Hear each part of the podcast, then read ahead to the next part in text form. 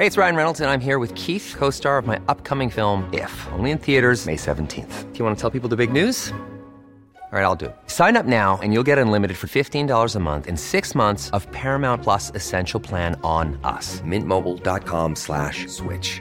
Upfront payment of $45 equivalent to $15 per month. Unlimited over 40 gigabytes per month. Face lower speeds. Videos at 480p. Active Mint customers by 531.24 get six months of Paramount Plus Essential Plan. Auto renews after six months. Offer ends May 31st, 2024. Separate Paramount Plus registration required. Terms and conditions apply if rated PG. Hiring for your small business? If you're not looking for professionals on LinkedIn, you're looking in the wrong place. That's like looking for your car keys in a fish tank.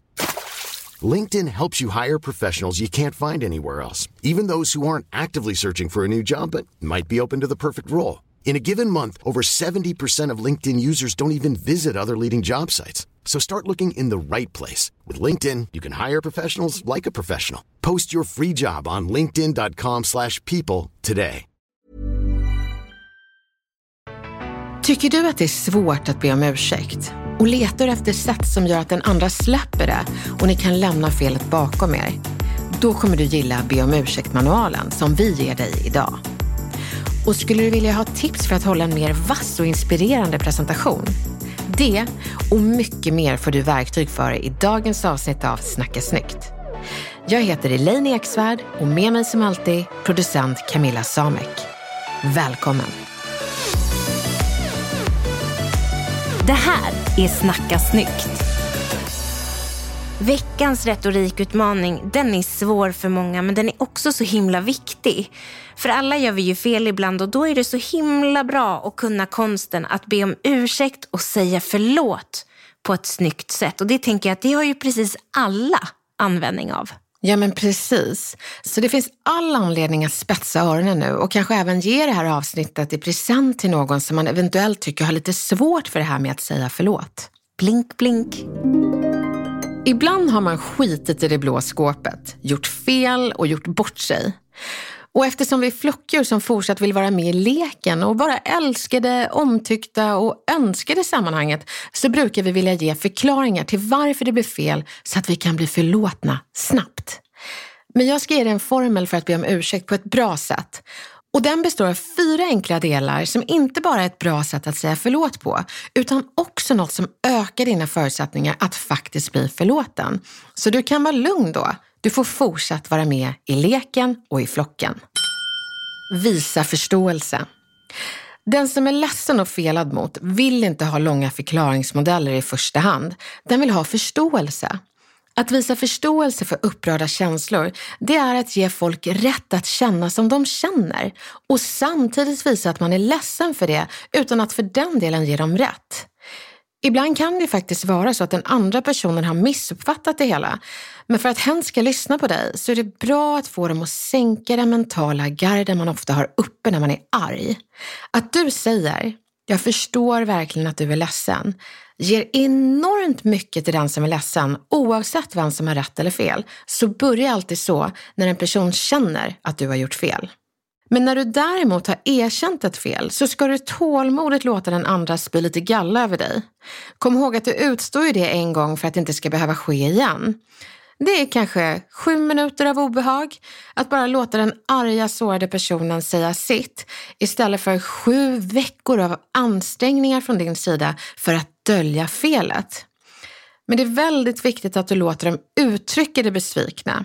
Och du kan själv hjälpa personen på traven genom att själv inleda med att visa förståelse för hens känslor. Med meningar som Jag förstår att du är besviken. Du måste vara riktigt irriterad. Jag hade också varit frustrerad i din situation. Jag förstår dig. Så i den här be om ursäkt-manualen så handlar det om att visa förståelse först. Be om ursäkt eller säg förlåt. Att säga ordet förlåt, det kan ju låta lite dramatiskt när man till exempel bara har kommit sent. Men det är ett bra ord när man gjort större saker, som att verkligen ha sårat en kollega, kompis, partner eller kanske sina barn. Ordet förlåt är förlösande för så många, men för vissa så är det lika svårt att säga som jag älskar dig. Men tänk så många som skulle behöva höra både de tre orden och ordet som släpper all stolthet och låter den ha rätt till sin besvikelse, nämligen förlåt. Och det handlar inte om att ryta, men förlåt då. utan verkligen mena förlåt och låta orden sjunka in hos den man sagt det till. Det här ordet, det kan man inte hoppa över. Men är det mindre fel som du gjort, som att kanske bara väcka irritation eller frustration, så räcker formuleringen “jag ber om ursäkt”. Och är du en person som tycker att de här två formuleringarna är svåra att säga, så ska du få öva precis nu. Säg efter mig. Förlåt. Förlåt. Äsch, vet du, vi tar en gång till så är du riktigt varm i kläderna när det väl gäller. Så säg efter mig. Förlåt mig. Och sen, jag ber om ursäkt. Bra jobbat! Ge en förklaring om den finns. Många brukar börja med förklaringar till varför de gjort fel, men låt det istället vara avslutningen på din be om ursäkt-manual. Så du ska först visa att du har förståelse, sen säga förlåt. Och det är inte förrän då som det är läge att förklara att bussen till exempel aldrig dök upp eller att du helt enkelt inte tänkte det för. Låt förklaringen vara kort. Ibland behövs den, ibland inte. Och ibland kanske det inte ens finns någon tydlig förklaring. Hitta inte på en i sådana fall. Den som blivit irriterad, arg eller sårad finner ändå väldigt stor tröst i din förståelse och ditt förlåt. Men som sagt, finns det en förklaring så ska du definitivt säga den. Så har du till exempel kommit för sent så blir be om ursäkt-mallen och dispositionen för den så här. Förståelse. Jag förstår att du är irriterad över att jag är sen. Förlåt. Jag ber om ursäkt. Förklaring. Bussen var en halvtimme sen. Nu har du tre av fyra delar av be om ursäkt-manualen. Den fjärde och sista är otroligt viktig för att försäkra den du ber om ursäkt till att det här var ett undantag och du kommer se till att det inte blir ett mönster. Och hur gör man då det? Jo, med vår fjärde och sista del, nämligen åtgärdsplan. Du berättar vad du ska göra annorlunda nästa gång så att det här misstaget inte sker igen. Det kanske låter omständigt, men det är nödvändigt för att du själv inte ska upprepa misstagen och personen kan släppa det du gjorde och lita på att det inte kommer ske framöver. Så du säger helt enkelt att trots att bussen var sen den här gången så tar jag bilen eller tåget nästa gång så du slipper vänta. Man kan inte lita på bussen ändå. Då försäkrar du personen om att det inte kommer ske igen för att du kommer tillämpa åtgärdsplanen nästa gång. Så dispositionen och be om ursäkt-manualen är helt enkelt F, F, F, Å. Alltså förståelse, förlåt, förklaring och åtgärdsplan. Jag tycker faktiskt att man ska lära sina barn den här manualen genom att själv tillämpa den när man gjort fel. Som till exempel, jag förstår att du blev ledsen när mamma höjde rösten. Förlåt. Jag tappade humöret när ni började kasta saker på varandra. Nästa gång ska jag säga till, men inte skrika på det sättet jag gjorde. Att leva som man lär är ju en klyscha, men också väldigt sant att barn gör ju inte som vi säger, utan de gör som vi gör. Så att lära sitt barn att vara prestigelös och med lätthet och medkänsla kunna visa förståelse och säga förlåt, det är riktigt bra. Men inte bara det. Dessutom kunna ge folk utrymme att vara besvikna. Det är att uppfostra dem till riktigt bra medmänniskor med empati. Att barnen inte bara får höra förlåt av sina föräldrar utan också höra hur ni ber om ursäkt till varandra. Det tror jag är lika viktigt som att barnen får se er visa kärlek och själva höra de tre orden “jag älskar dig” emellanåt. Se till att ni har båda delarna i er familj. Och är det svårt, så lyssna på det här avsnittet igen och gör övningarna en gång till. För det är ju en klyscha, men också sant. Övning ger färdighet. Lycka till!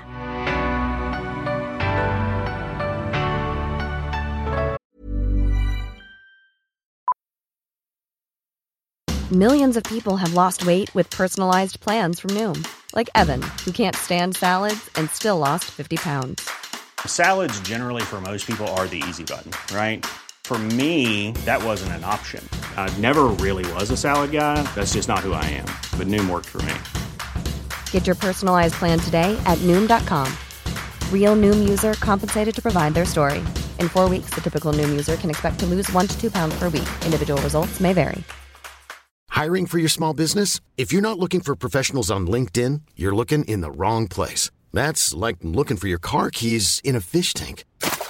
LinkedIn helps you hire professionals you can't find anywhere else, even those who aren't actively searching for a new job but might be open to the perfect role. In a given month, over 70% of LinkedIn users don't even visit other leading job sites. So start looking in the right place. With LinkedIn, you can hire professionals like a professional. Post your free job on linkedin.com slash people today.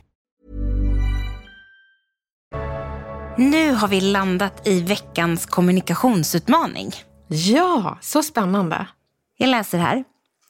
Hej Snacka snyggt! Jag håller ofta presentationer och känner mig trygg med det, men känner samtidigt att jag behöver utvecklas och lämna min comfort zone. Det kommer att bli min utmaning för det här året. Jag gillar verkligen att ni pushar för utveckling, by the way. Med det sagt skulle jag gärna vilja ha tips på saker man kan göra för att bli riktigt vass på att hålla presentationer. Jag jobbar på bank med personalansvar och behöver vara inspirerande och driva på arbetet framåt. Så att bli vass och inspirerande, det är två saker jag tänker att jag måste bli bättre på. Ett annat problem jag märker att jag ofta stöter på, det är att jag har problem att minnas min presentation i stunden. Och då svävar jag lätt iväg och det blir väldigt snackigt. Men det kan även bli lite jobbiga pauser här och där, så jag måste hitta ett bättre sätt att komma ihåg vad jag ska säga. Tacksam för tips, Per. Hej Per och tack för jättebra fråga. Vad kul med en sån här professionell kommunikationsutmaning. Det ger vi så gärna. Och jag älskar ju presentationsteknik. Konstigt vore det annars för jag är ju trots allt retoriker. Men ett vanligt misstag som många gör, det är att de kör sån här powerpoints-maraton. Och det är inte att de bara använder sin powerpoint utan de missbrukar den. Och hur missbrukar man en powerpoint då? Jo, genom att använda den som manus. Per, din powerpoint ska varken vara ditt manus eller ditt huvudnummer. Det ska vara din sidekick och det ska framför allt vara för publiken. Jag förstår att powerpoint hjälper folk att minnas, men då är det mycket bättre att man skriver ut sitt manus så vi andra slipper titta på det. Det du kan ha istället är ett papper med stolpar så att du minns det du ska säga. Powerpoint får aldrig vara din minnesstolpe. Sen behöver du fundera på om du stressas av skrivna manus med långa stycken och information, eller om du är en sån som faktiskt hjälps av det. Om du är en sån person som blir trygg av att precis allt du ska säga är nedskrivet, så tycker jag att du ska göra det förarbetet. Att du liksom skriver ett gediget manus. Men då är det otroligt viktigt att du skriver i enlighet med ditt talspråk, så att det inte blir ett skriftspråk. För när du säger saker som detta är viktigt. Och andra skriftspråkiga ordval så kommer det inte kännas som en presentation utan en högläsning. Det vill du inte orsaka dina lyssnare. Är du en person som behöver ett stolpmanus, det vill säga korta stycken som hjälper dig framåt, så ha det. Det brukar faktiskt bli allra bäst, för då kan du bara kasta ett öga på en stolpe i ditt manus och sen ha ögonkontakt med din publik medan du presenterar. Det kommer ge dig en bättre inlevelse och publiken kommer få en bättre upplevelse av din presentation. Men det är viktigt att stolparna ska vara formulerade så att du minns vilken del av presentationen du ska ta upp nu. Och alla de här viktiga faktan som du behöver komma ihåg, de ska finnas där i stolparna.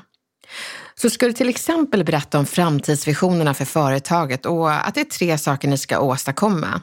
Och att det dessutom finns sådana här procentökningar med 15 procent per år då kan stolpen för den delen av presentationen vara framtidsvision, 15 procent. Och sen de här tre sakerna som ni ska åstadkomma. Som till exempel ökad försäljning, bättre arbetsklimat och digitala möten i världsklass där vi alla är kammade på mötena. Det här, det står ju bara i ditt manus Per, men du går ju in på varje del mer detaljerat utan att läsa till. Det här är två bra sätt att minnas det du ska prata om och på samma gång höja din presentationstekniska nivå. Så om du använder PowerPoint som manus så förflytta det till ett dokument som du skriver ut. Och dokumentet som du skriver ut ska antingen vara ett talskriftigt manus eller bestå av stolpar med korta ord eller formuleringar. Sen är det ju jättebra att förebygga för att vara trygg om man skulle behöva lite betänketid under tiden som man presenterar. Och vem behöver inte det? Så ha förberedda diskussionsfrågor som du kan kasta ut till publiken. Det är inte bara bra för att du ska få betänketid i lugn och ro, utan också bra för visst tycker folk om att lyssna, men inte hela tiden. Att låta dem interagera med varandra och dig, det gör det inte bara lättare att ta till sig ditt budskap, utan också det hela till en vassare presentation, precis som du önskade. Den blir vassare just för att du framstår som en proffsig och laid back person som kan släppa ordet till publiken emellanåt istället för att hålla dig krampaktigt under hela tiden. Och sen Per, du vill ju också vara inspirerande och då skulle jag verkligen kasta in storytelling i dina presentationer. Att du inte bara nämner sådana här tomma, fluffiga, fina ord som effektivitet i dina presentationer. Eller sådana här corporate bullshit-ord som faktiskt boken med samma namn nämner. Meningar som vill du bilda spjutspetsen, ha ledartröjan, ligga i framkant, komma ut på banan och leverera. Ingen teamledare får prata så, men många gör det. Så ersätt alla fluffiga corporate bullshit-orden med dina erfarenheter kopplat till till exempel effektivitet. Då ser man vad du pratar om och det blir inspirerande. Sen Per, så kör du så det ryker. Ett varmt lycka till på dina presentationer framöver och tack för en riktigt bra fråga. Nu mina vänner så ska vi testa hemma och jag är så exalterad. För veckans retorikövning att göra hemma är två stycken olika beroende på om du är introvert eller extrovert. Extroverta svaghet, det är ju ofta att de kniper ordet för snabbt och inte väntar in andra överhuvudtaget. Det gör att de kan betraktas som självcentrerade monologmonster på möten som ständigt tar ordet i gisslan. Introverta svaghet däremot, det är att de väntar in lite för länge och då kan de betraktas som passiva under mötet trots att deras tankeverksamhet går på högvarv. Och det känns nästintill omöjligt och helt onödigt att försöka få en syl i vädret av de extroverta. Därför tänker jag att ni två grupper ska mötas på mitten. Och förhoppningsvis så lyssnar väldigt många på det här avsnittet. Så jag tänker att det kommer bli en otrolig balans i samtalsfördelningen på mötena framöver. Om ni inte har den här balansen på jobbet mellan introverta och extroverta så tipsa dina kollegor och chef om det här avsnittet. Nu kör vi de två övningarna. Utmaningen för er extroverta hela den här veckan, det är att vänta in. Ja, jag vet att det är svårt för er, men den här veckan ska inte du vara den första som säger någonting när en fråga dyker upp, utan du ska vänta in två eller tre andra kollegor innan du tar ordet. Och om du tar ordet. Det kommer ta lite tid tills någon annan säger någonting, för du har ju den här sociala rollen att folk väntar sig att du ska säga något. Men så sitter du där tyst och tittar nyfiket och tålmodigt på vad dina kollegor kommer säga. Gör du det här så kommer du inte längre att tolkas som den där personen som avbryter i introverta sammanhang. Och just den introverta samtalskulturen är så viktig att behärska då en tredjedel av Sveriges befolkning är just introverta.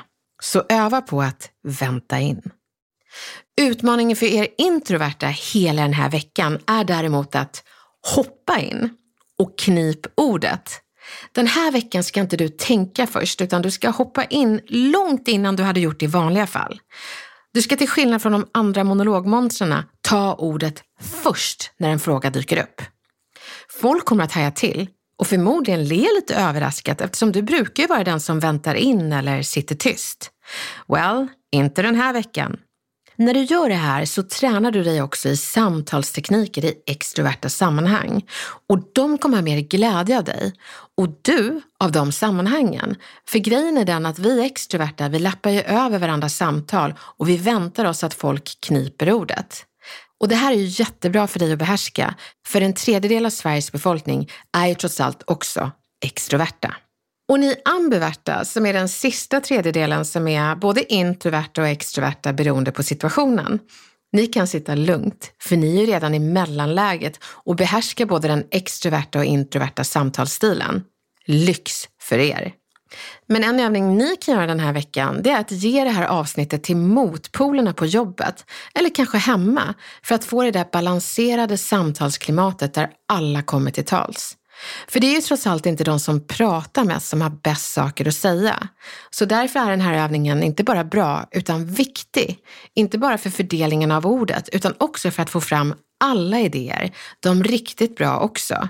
Och vet ni, introverta, ambiverta och extroverta har alla tre bra idéer. Problemet är bara att de extrovertas idéer hörs mest. Så nu fixar vi samtalsidéerna på jobbet och hemma så att alla idéer kommer fram. Lycka till! Vad fan säger man? Idag ska vi vara lite wild and crazy. Vi ska inte dra en lapp. Nej, Camilla, vad gör vi då då? Nej men det är ju så här att vi har fått så många frågor på ett och samma tema. Så jag tänker att vi slår helt enkelt ihop en hel hög av frågor på temat vett och retorikett på jobbet. Så kul och så behövligt. För vad fan säger man när en kollega inte diskar efter sin lunch eller ständigt pockar på ens uppmärksamhet? Det finns så många situationer ni har delat med er av och vi ska ta upp några av dem och formulera riktigt bra svar. Ja men precis och jag tror att det är väldigt många som förstår vett och etikett på jobbet. Men det där med att säga till de som bryter mot reglerna, det är inte lätt. Och därför tror jag att vi behöver lite vett och retorikett och höra vad fan man säger i de här situationerna. När en kollega är högljudd och kanske sätter på musik hen tycker att alla borde gilla, så säg Smaken är som baken. Vad sägs om hörlurar idag, Kalle? Eller bara till kollegorna som snackar så högt att det dånar. Till dem kan du säga, vet ni, det låter så intressant det ni pratar om, men nu hör inte jag mina tankar. Kan ni prata lite lägre? När en kollega är stökig så är det egentligen inte din uppgift utan chefens uppgift att be kollegorna att respektera varandras miljöer. Men är det så att du har en bra och trygg relation med kollegan så skulle jag säga att det skulle vara sån bra utsikt härifrån om jag inte bara hade dig, min trevliga kollega, i blickfånget för snick och snack, men också ditt rena skrivbord. Eller bara säg, Johan, jag tror att dina sex kaffekoppar längtar till disken. Det behöver inte vara så dramatiskt, bara säg det.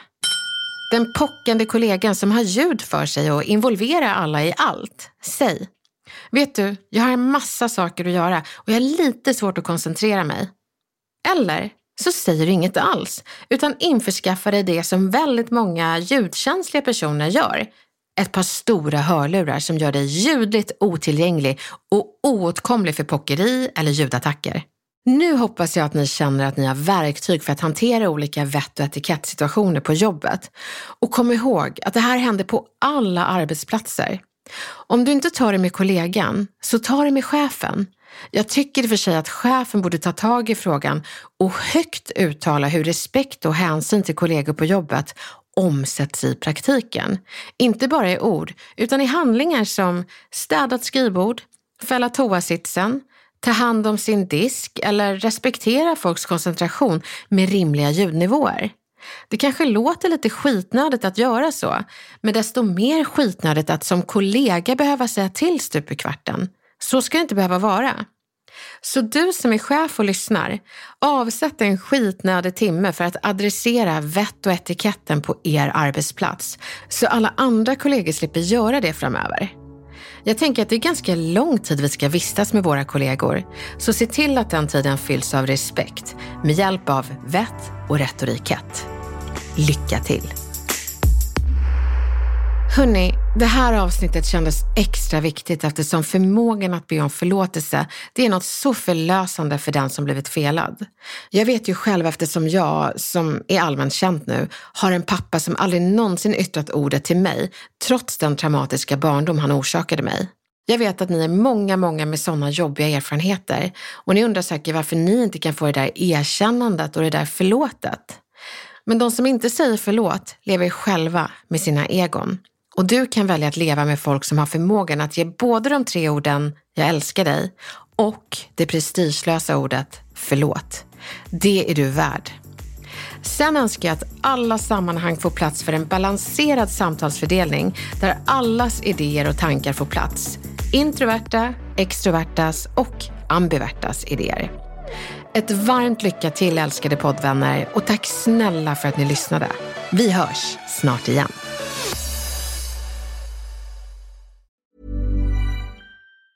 Hi, I'm Daniel, founder of Pretty Litter. Did you know cats tend to hide symptoms of sickness and pain? I learned this the hard way after losing my cat, Gingy. So I created Pretty Litter, a health monitoring litter that helps detect early signs of illness by changing colors, saving you money and potentially your cat's life. Pretty Litter is veterinarian developed, and it's the easiest way to keep tabs on your fur baby's health right at home. Go to prettylitter.com and use code ACAST for 20% off your first order and a free cat toy. Terms and conditions apply. See site for details.